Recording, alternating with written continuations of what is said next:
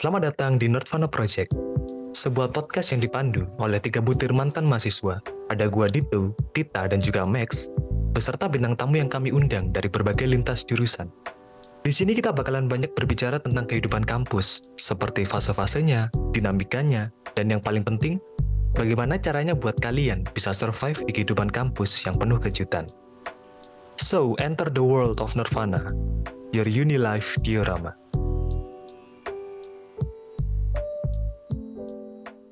Halo para pendengar Nirvana, kembali lagi nih di Nirvana Project. Gimana nih ujiannya kemarin? Lancar? Atau ada yang sudah pasrah, berserah pada semesta? Apa pun hasilnya nih ya, gue doakan mendapatkan hasil yang memuaskan. Nah ngomong-ngomong soal ujian, pasti butuh belajar dong, ya kan? Entah jauh-jauh hari sebelumnya, atau mungkin semalam sebelumnya. Kali ini ada gua Dito, mau sedikit berbagi obrolan seputar metode belajar yang umum digunakan oleh mahasiswa atau mahasiswi tipe kupu-kupu. Mungkin dari sekian tipe mahasiswa, tipe kupu-kupu ini yang paling banyak waktu luangnya untuk belajar. Ya, seenggaknya itu anggapan yang sering gue terima sih waktu gue kuliah dulu. Ah, lumayan enak, gak ikut organisasi, gak ikut rapat, gak ada event atau kegiatan. Ini gue aja ngelepas satu mata kuliah karena emang gak sempet buat nyiapin ujian besok. Kira-kira kayak gitulah keluhan yang sering gue dapat tentang teman-teman gue. Satu sisi memang nggak salah sih kalau kita itu tipe kupu-kupu memang punya lebih banyak waktu luang dibanding mereka yang berkegiatan atau berorganisasi di kampus. Tapi kadang di lain sisi, nggak juga sih. Karena ada beberapa teman gue yang sesama kupu-kupu, tapi mereka punya kegiatan lain di luar kampus dan tentunya tidak berhubungan dengan kampus. Kalau gue pribadi memang sering menghabiskan waktu itu di rumah atau di kafe yang dekat dengan kampus dan sepi. Tujuannya sih untuk belajar atau ya mencicil tugas ujian biasanya. Gue itu emang gak terlalu nyaman dengan suasana kampus yang padat dan banyak orang lalu lalang gitu. Gimana ya, kayak gak bisa konsen atau gak betah aja lama-lama dari sana. Alhasil gue itu biasanya ya pulang atau pindah tempat sih sebenarnya. Lain cerita dengan temen gue, sesama kupu-kupu juga yang lebih memilih menghabiskan waktu itu di perpustakaan pusat dibanding harus belajar di fakultasnya doi. Alasannya sih kurang lebih sama ya, yaitu mencari ketenangan dan ngadem sih. Mungkin perpustakaan pusat tiap kampus itu beda-beda ya, tapi yang pasti sih harusnya tempatnya lebih besar dan lebih nyaman ya dibanding perpustakaan fakultas. Karena ya mereka itu menampung mahasiswa dan mahasiswi dari mana-mana kan.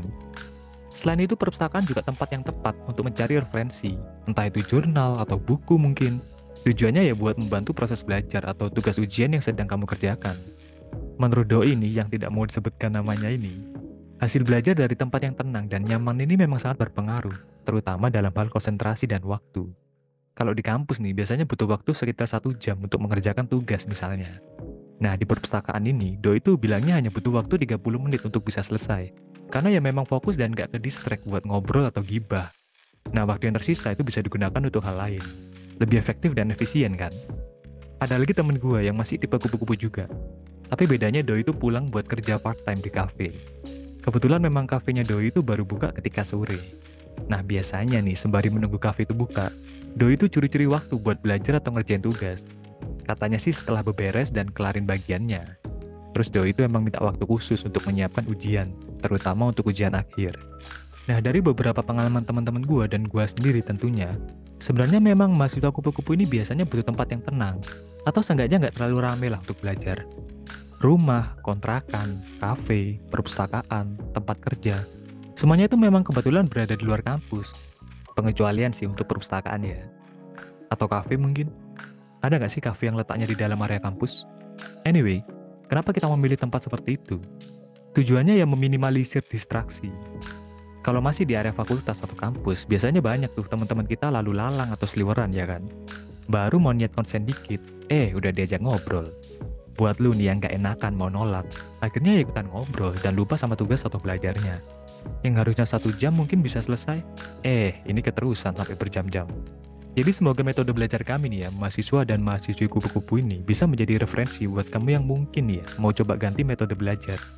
Disclaimer dulu, metode belajar ini tidak menjamin bakalan dapat hasil yang sempurna ya. Karena kalau ngomongin hasil ya balik lagi ke kemampuan tiap-tiap individu.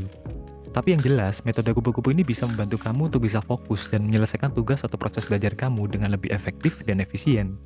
Nah, buat kamu nih, mahasiswa atau mahasiswa kupu-kupu lain yang punya metode belajar lain dari apa yang sudah gue obrolin barusan, boleh banget nih share di kolom komentar platform streaming yang lagi kamu dengerin ini.